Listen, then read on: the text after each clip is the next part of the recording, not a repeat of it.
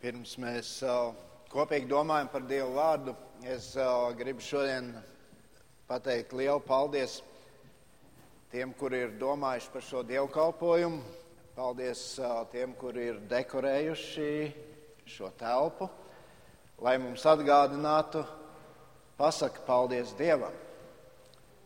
Paldies Dievam par to, ka varam dzīvot, varam dzīvot šajā zemē, varam baudīt visu to ko mēs baudām.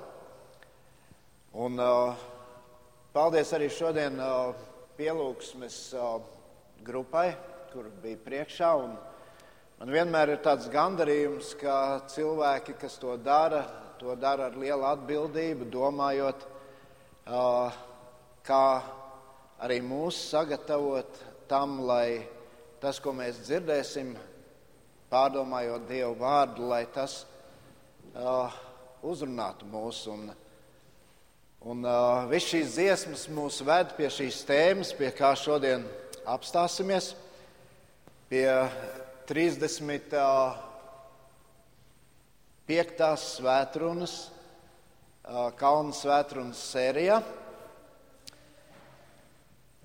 Un uh, man katru reizi Ir patiešām liels prieks kopā ar jums atvērt svētos rakstus un domāt par šo kalnu svētrumu. Es jau diezgan sen solu, ka drīz mēs šo sēriju noslēgsim. Īstenībā šodien ir, varētu teikt, tā pēdējā svētruna par šo kalnu svētrumu. Nākošajā svētdienā mēs vēl izdarīsim tādu kā kopsavilkumu par to, ko mēs visus šos mēnešus, sākot no janvāra līdz uh, oktobrim, mēs uh, kopīgi esam domājuši un mācījušies. Uh, ja īsi tā mēs atceramies to, ko esam domājuši, tad mēs redzam, ka Jēzus šeit pasaka kaut ko ļoti būtiski un uh, svarīgu. svarīgu. Jēzus šeit pasaka to, ko nozīmē būt Dieva valstības pilsoņiem. Un uh, atcerieties to, ko viņš sacīja pirms viņš sāka šo kalnu svētdienu Viņš sacīja, no šī, tur ir rakstīts Matei 4,17. No šī laika Jēzus sludināja. Ko? Atgriezieties no grēkiem, debesu valstība ir klāta. Jēzus nāca, lai cilvēkiem pateiktu, Dievs veido uz šīs zemes savu valstību. Un tālāk jau Jēzus ļoti konkrēti skaidro, ko tas nozīmē. Kas tas ir? Jēzus pasaka šos principus, kas ir ļoti būtiski debesu valstībai. Un tālāk viņš pasaka kādus ļoti svarīgus brīdinājumus. Viņš saka, ir svarīgi, ka tu klausies. Bet tikpat svarīgi ir, lai tu tiektos dzirdēto arī praktiski lietot. Jēzus brīdināja, ka tas nebūs viegli. Viņš sacīja, ka ceļš ir šaurs, nebūs viegli, vārti ir šauri. Pēc tam viņš brīdina, būs daudz dažādu viltus praviešu, kuri piedāvās citus variantus. Viņš saka, daudz uz to uzķersies. Un beigās Jēzus pateica vēl vienu brīdinājumu, kur viņš saka, katrs no jums, kas klausties, varat būt vai nu saprātīgi, vai nesaprātīgi. Bībeli saka, saprātīgi vai nejēgas. Iepriekšējais Bībeles tulkojums saka, ka katrs no mums var būt vai nu gudrs, vai ģeķis. Un to, kas mēs esam, pie kuras grupas mēs esam, nosaka tas, kā mēs reaģējam uz to, ko mēs dzirdam šajos Jēzus vārdos. Un tāpēc atveram Bībeles un izlasīsim kopīgi šos vārdus, par ko šo, šodien domāsim. Mateja evaņģēlijas 7. nodaļa, 24. līdz 27. pants. Mateja evaņģēlijas 7. nodaļa, 24. līdz 27. pants. Tad nu ik viens, kas šos manus vārdus dzird un dara, ir līdzināms saprātīgam vīram, kas savu namu būvējis uz klints. Kad lietus nāca un straumes plūda un vēja pūta un gāzās pār šo namu, tas nesabruka. Tādēļ, ka, tas, ka tā pamati bija likti uz klints. Bet ik viens, kas šos manus vārdus dzird un nedara, ir līdzināms nejēgam, kas savu namu būvējis uz smiltīm. Kad lietus nāca un straumes plūda un vēja pūta un triecās pret šo namu, tas sabruka un posts bija liels. Tie ir vārdi, ko saka Jēzus. Pielūgsim Dievu. Kungs, Dievs, paldies Tev, ka šajā rītā Tu mums ļauj apstāties pārdomās pie šiem vārdiem. Un es ticu, Kungs, ka Tev priekš katra no mums ir nodoms, ko Tu vēlies mums pateikt. Un tādēļ, Dievs, Es gribu lūgt, lai tu arī man dod gudrību un spēku, lai tas, ko šajā rītā tu man esi uzticējis, lai tas mums kļūtu saprotams un skaidrs.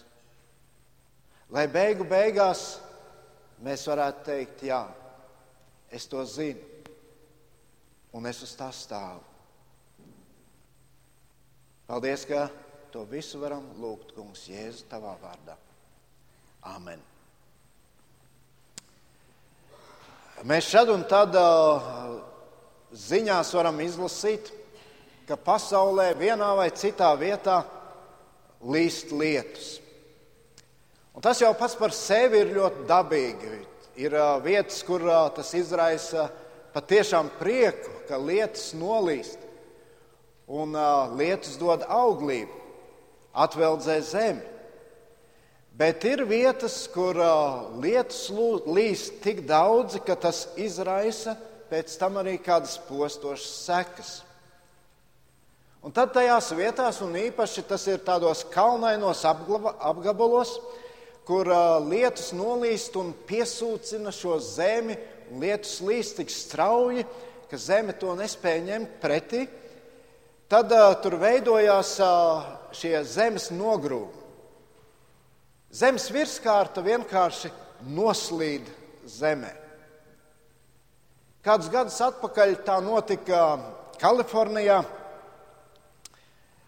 uh, kur pēc šādām stiprām lietus gāzēm klusā okeāna krastā tādā veidā tika nonestas daudzas uh, brīnišķīgas mājas. Mājas, kuras maksāja miljoniem dolāru. Tā bija ļoti ekskluzīva vieta. Tur dzīvoja cilvēki, kas to varēja atļauties. Bet vienalga, lai arī kā viņi centās šīs mājas nodrošināt, tas nelīdzēja. Daudzas no tām tika nopostītas. Mēs katrs veidojam savu dzīvi. Mums ir savas vēlmes, mums ir plāni, mēs veidojam aprēķinus par lietām, ko mēs gribam sasniegt. Mēs esam kaut kam pieķērušies, bet uh, mēs visi veidojam savu dzīvi balstoties uz kaut kā lēmumi, kurus pieņemam, tās īstenības izvērtēšana, ar ko mēs sastopamies, Arī mūsu attiecības ar uh, tuvākajiem cilvēkiem, mūsu attiecības ar Dievu vārdu, ar draugu un tā tālāk. Visas šīs lietas uz kaut ko pamatojas. Un šeit Jēzus, sakot šos vārdus, uzrunājot cilvēkus, izsaka šos, šo brīdinājumu. brīdinājumu. Un visi šie ļaudis to dzirdēja. Tātad tie bija ļaudis, kas klausījās Jēzus vārdos. Ir tik daudz ļaudis, kas to dara. Ir tik daudz ļaudis, kurus saka, jā, jā, mēs zinām šos Jēzus vārdus. Mēs pat esam iemācījušies šos vārdus no galvas. Bet interesanti, ka Jēzus saka, daļa no šiem ļaudīm ir nejēgas. Jo klausoties šajos vārdos, Viņi nepieliek pūles, lai pēc tiem dzīvotu. Ir ļaudis, kuri domā, nu, gan jau es kaut kā izgrozīšos. Kāda domā, nu, vienmēr jau ir bijuši ļaudis, kuri piedomā vairāk pie tā, citi mazāk. Bet redziet, kā mēs tie, kas bijāt pagājušajā svētdienā, Markus mums atgādināja šo patiesību, ka tik vienkārši jau nebūs. Un tāpēc ir tik svarīgi mums katram sev uzdot šo jautājumu, uz ko pamatojoties es pieņemu lēmumus savā dzīvē. Kas ir tavs pamats? Kas ir tas, uz ko tu stāvi? Kā tavs pamats izturēsies tad, kad tas sastaps, sastapsies ar grūtībām un pārbaudījumiem? Un tad nu šodien mēģināsim rast atbildes uz šiem jautājumiem, ko Jēzus šeit saka šajos vārdos un kur mums šie jautājumi rodas. Un tas pirmais jautājums, uz ko mēģināsim atbildēt, ir, ko nozīmē veidot dzīvi saprātīgi. Mēs lasījām, tad nu ik viens, kas šos manus vārdus dzird un dara, ir līdzināms saprātīgam vīram, kas savu namu būvējis uz klints. Jēzus šeit ļoti skaidri pasaka, saprātīgs cilvēks ir tas, kurš būvē savu namu, savu dzīvi, savu biznesu, savu karjeru un visu pārējo, kurš būvē to uz pamata, kurš nešķobīsies. Kurš ir pārliecināts, ka šis pamats ir drošs un stingrs. Jēzus pielīdzina dzīvi šim celtniecības procesam. Mums katram ir vajadzīgs pamats, uz kura mēs stāvam. Un Jēzus saka, ka saprātīgs ir, cil, ir tāds cilvēks, kurš skaidri zina, kurš ir pārliecināts, ka pamats, uz kura viņš stāv, ir stabils, stiprs, ka tas tiešām izturēs. Ka šis pamats ir klints. Un šo stipro pamatu veido divas lietas. Viens, ka tu klausies Jēzus vārdos, un otrs, ka tu dari to, ko tu esi dzirdējis. Vispirms Jēzus pasaka, lai veidotu dzīves ēku, kura nesabruks. Mums ir jāatrod šis stiprais pamats, uz kā to būvēt. Un Jēzus to šeit skaidri pasaka, ka ja tu gribi, lai tava dzīve galu galā nesabruktu, tev ir skaidri jāzina, vai tu stāvi, vai tu balsti savu dzīvi uz tiem vārdiem, ko es saku. Vai tu viņos klausies? Kāpēc tā? Kāpēc Jēzus noliek sevi tik ekskluzīvā pozīcijā. Mani vārdi. Redziet, mīļie, mēs esam spējīgi, mēs neesam spējīgi izin, izanalizēt pat ne miljono daļu no tā, ko spēj Dievs. Dievs ir tas, kurš redz visu no sākuma līdz galam. Un Jēzus tikko ir teicis Kalnu svētrunu, kur viņš ir skaidrojis šos debesu valstības principus, un tagad viņš saka, pielieciet visas pūles, lai tos zinātu. Dariet visu, lai tie galu galā iespaidotu jūsu domāšanu un jūsu rīcību. Apostols Pāvils saka kolosiešiem 2. nodaļā, 9. pantā, par Jēzu, viņš saka, viņā mājo visa dieva pilnība miesā. Jēzus zina visu. Jēzus kontrolē visu. Un viņam ir tiesības teikt šos vārdus. Atcerieties, kādā reizē, kādā brīdī, kad daudzi no tā lielā pūļa, kas sekoja Jēzum, bija aizgājuši, jo viņiem likās, nu nē, tie vārdi ir par smagu priekš mums. Tie nav izpildāmi. Bet tur palika kādi cilvēki, un tad viens no viņiem, Simons Pēteris, saka, Jāņa evanģēlijas sestā nodaļa. Simons Pēters viņam atbildēja, kungs, pie kā mēs iesim? Tev ir mūžīgās dzīvības vārdi, un mēs ticam un esam atzinuši, ka tu esi Dieva svētais. Redziet, apustulim Pēterim šis jautājums bija atrisināts. Visam, ko Jēzus ir teicis, tev ir mūžīgās dzīvības vārdi, un tam ir vērts uzticēties. Mēs visi ticam, Dievs mūs ir radījis. Bet mums te grūti dažkārt ir pieņemt to, ka Dievs ir tas, kurš zina pat vissmalkākās mūsu dzīves detaļas. Un tieši tāpēc, ka Viņš to zina, Viņš arī dod šos principus mūsu dzīvei, pēc kuriem dzīvot.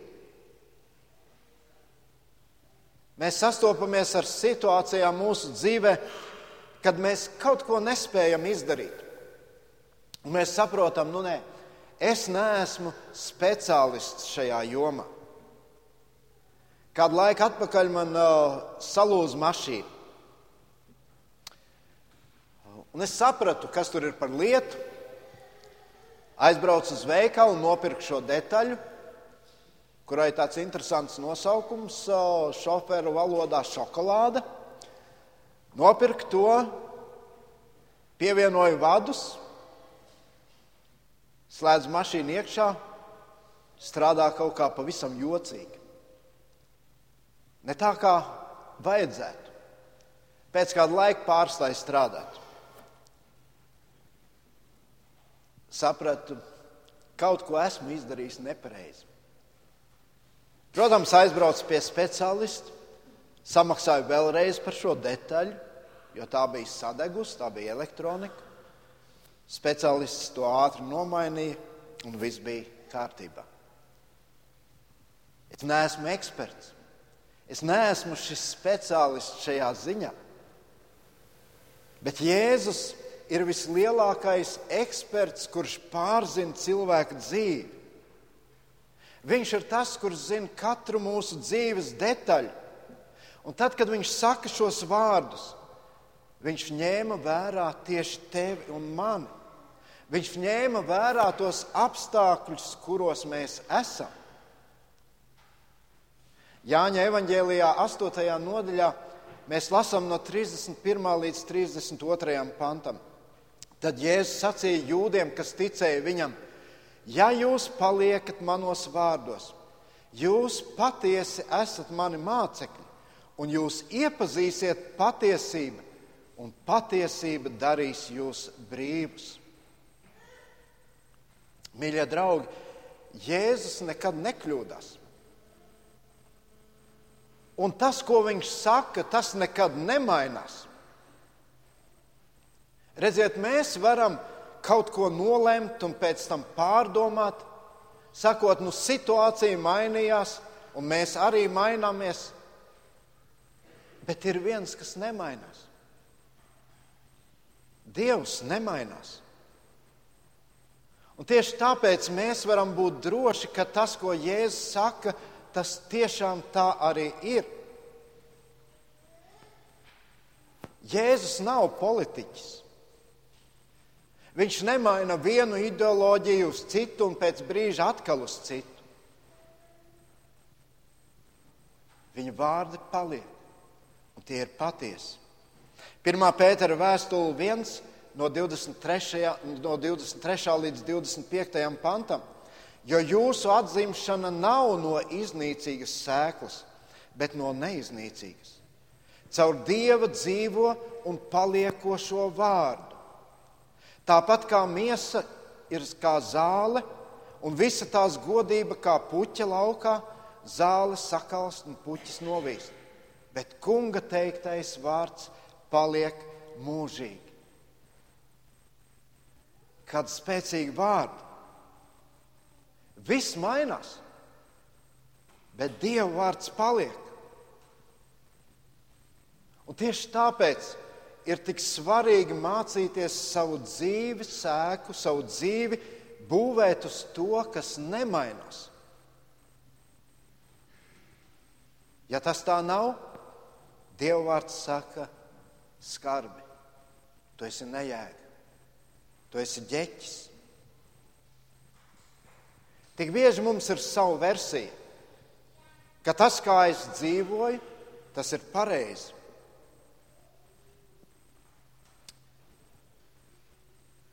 Es esmu laikam viens no retajiem šeit, kurš uh, ir dienējis padomju armijā. Tas bija interesants laiks, un uh, uh, interesanti cilvēki man bija līdzās. Kādus, ar kādiem no viņiem šad un tad vēl satiekos, jo mēs tur bijām diezgan daudz no Latvijas. Un es atceros, mums bija tur viens tāds puisis. Uh, viņš nebija latviečs, bet viņš bija cilvēks, kurš nekādu nevarēja atšķirt labo roku no kreisās, kreiso kāju no labās. Eh, diezgan jocīgi, vai ne? Man liekas, var jau iemācīties to, bet nu, viņam tas nepadevās. Un katru reizi, kad bija jāiet ierindā, tad uh, tur bija jāsoļo. Tad uh, komandieris teica, kreiso, kreiso, un tad zināja, ka kreisā kāja jāspēr pa priekšu. Bet šis puisis vienmēr viss darīja otrādi. Kā teica, kreiso viņš spēja labo. Un tad, kad viņam komandieris aiz dusmām tur kaut ko teica, un kāpēc tu tā, un viņš teica, es daru pareizi, viņi dara nepareizi. Jā, bet tā tas ir. Jēzus saka, ir patiesība, kur nemainās nekādos laikos. Un mums liekas, nē, tā nav patiesība.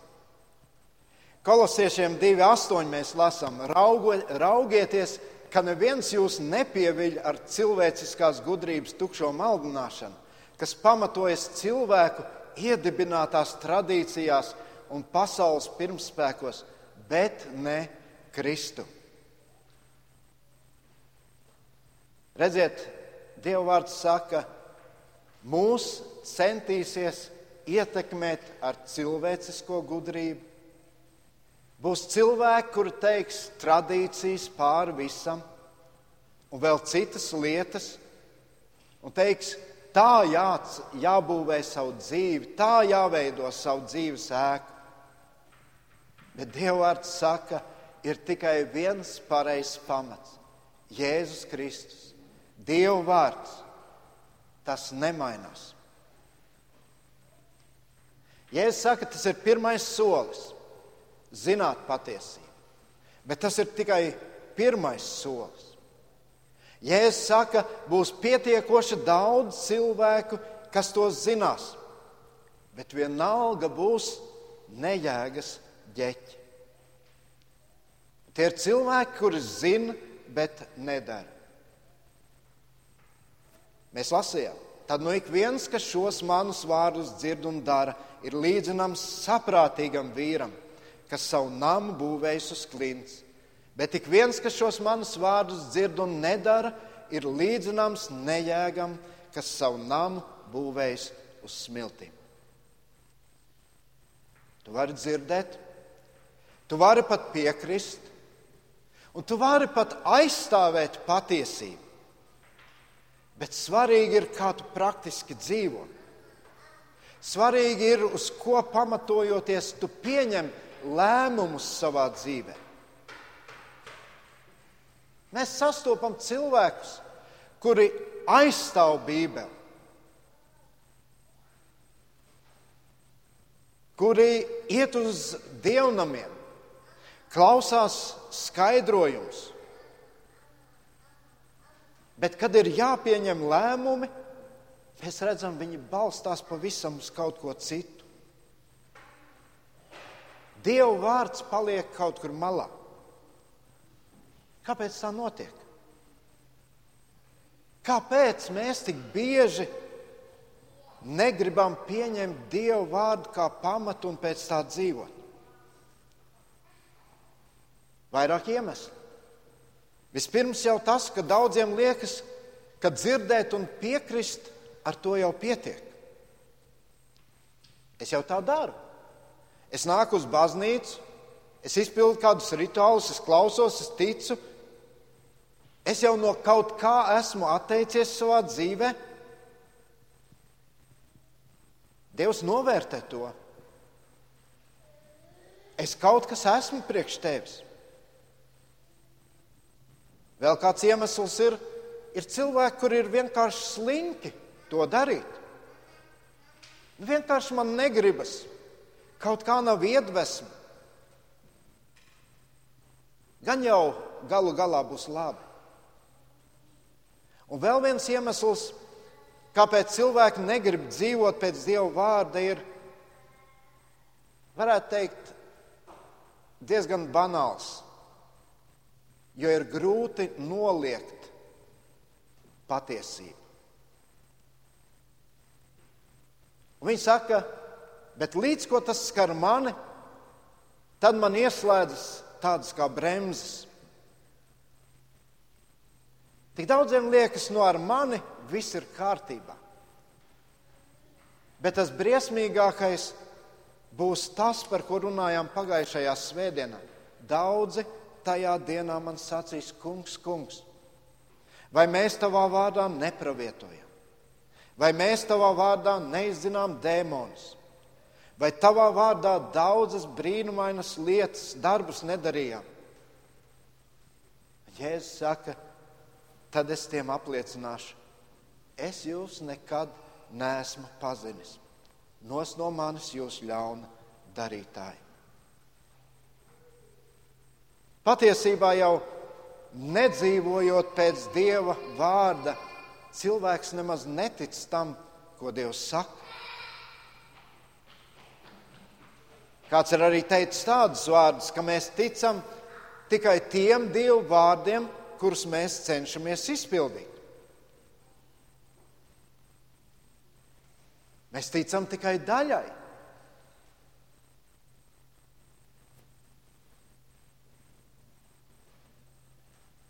Šodienas Dieva vārds mums atgādina, ja tu nepildi, ko Dievs saka, tu izaicini Dievu.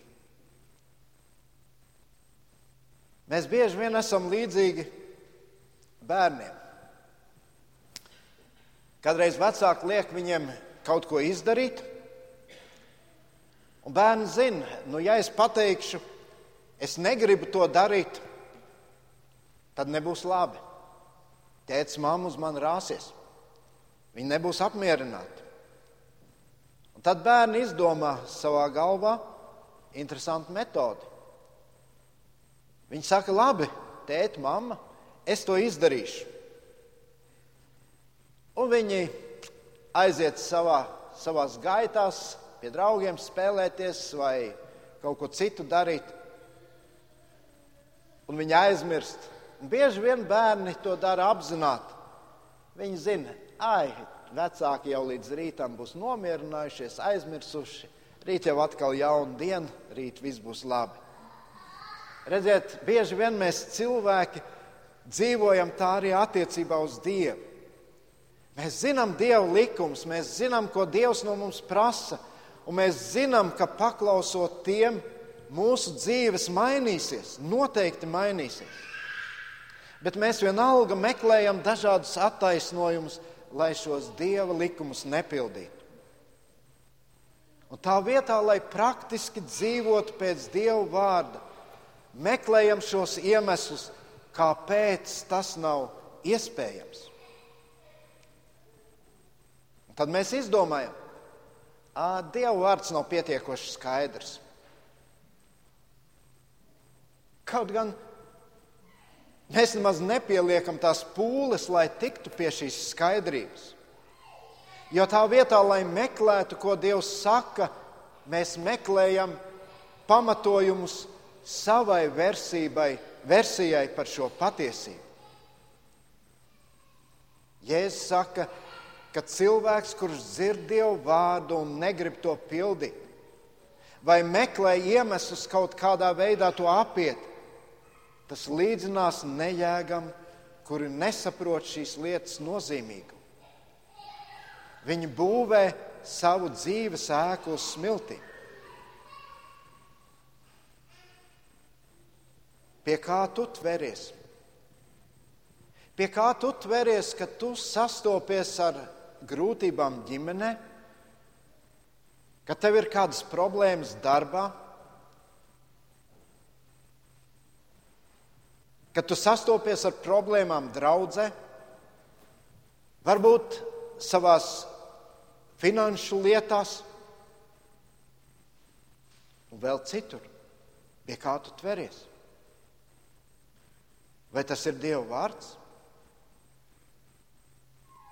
Un, kad tu atver un kad tu izlasi, un kad tu saproti, tas ir Dieva vārds,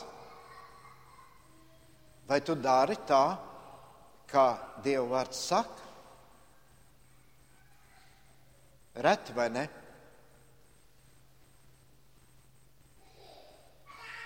Bet tas ir iemesls, kāpēc mēs bieži piedzīvojam šīs neveiksmes savā dzīvēm. Tas ir tāpat kā ar cilvēku, kurš ir saslimis, viņš aiziet pie ārsta, ārsts izraksta zāles, cilvēks nopērk, atnāk mājās, pieliek pie mēlis, uh, rūkts, nedzerš tās zāles. Liekas muļķīgi. Ja gribi atgūt veselību, dzer tās zāles. Ja gribi tikt izglābts, Dari, ko Dievs saka. Salamana pamācības, pirmā nodaļa, no 29. līdz 33. pantam.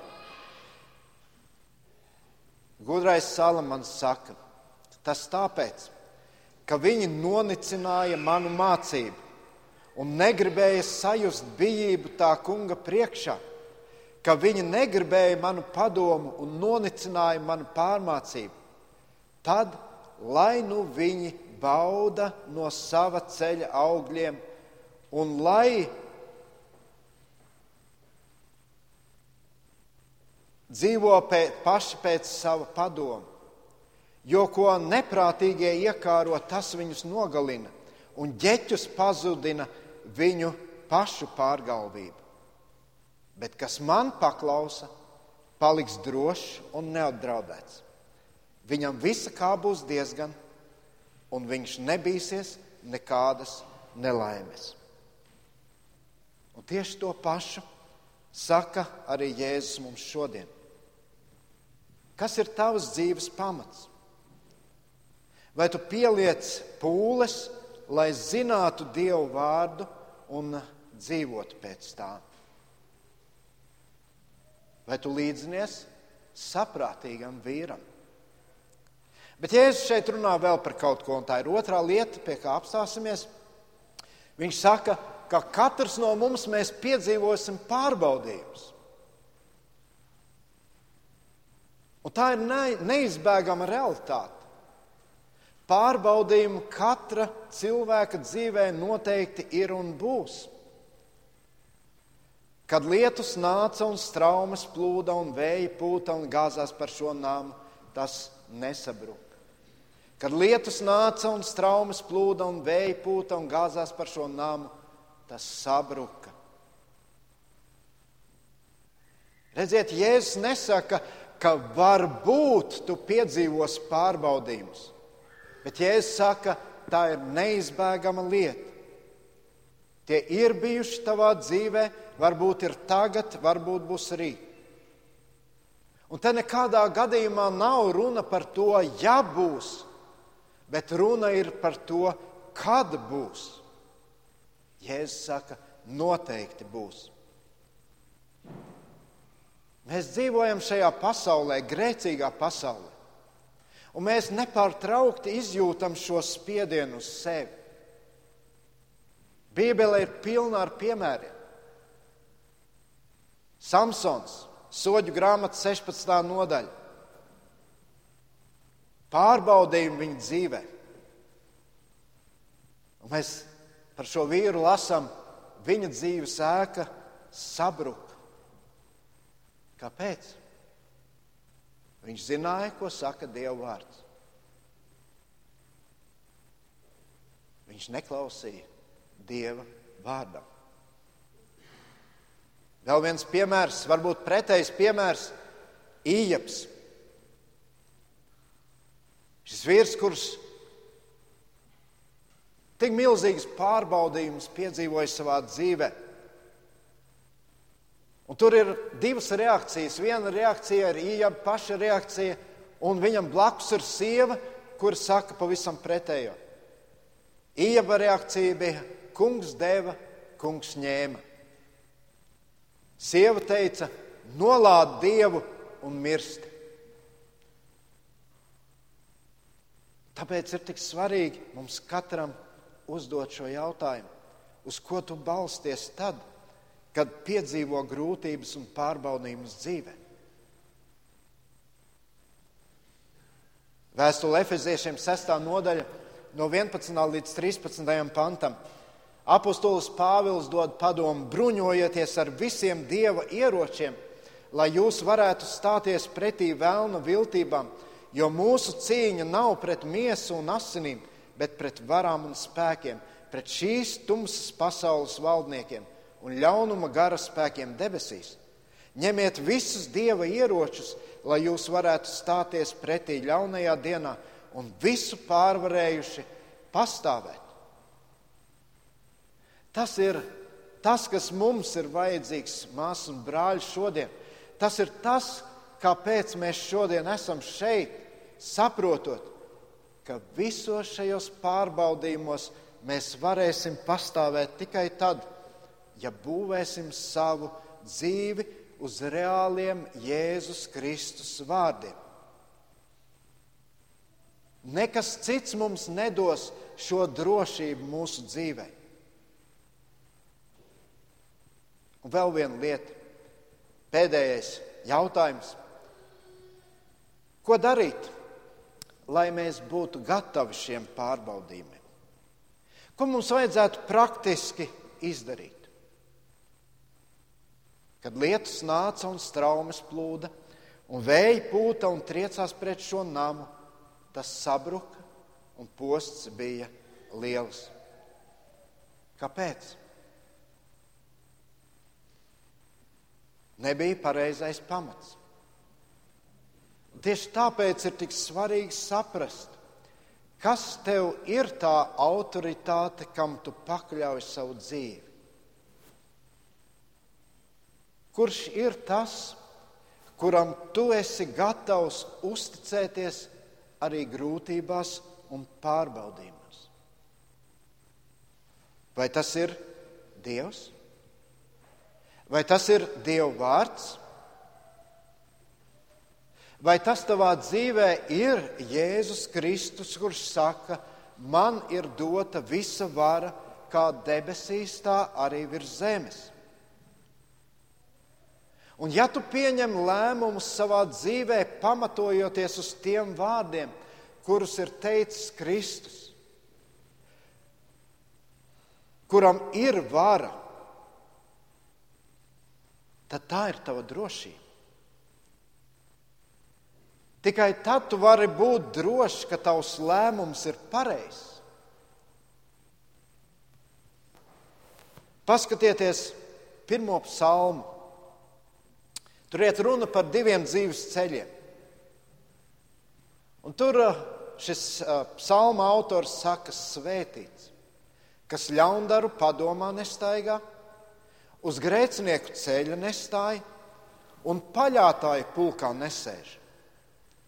Kam par kunga bauslību prieks, kas pārdomā viņa bauslību dienu un nakti, Viņš saka, tas aug kā koks stādīts pie ūdeņa straumēm. Augļus tas nes laikā, lapas tam nenovīst, ko tas dara, viss izdodas. Bet ļaundariem tā nav. Tos kā pelavas putina vējš. Tādēļ ļaundari nepastāvēs tiesā nec grēcinieki taisno draudzē, jo taisno ceļu kungs zina, bet ļaundaru ceļš ir pazušana. Te ir tik labi praktiski padomi.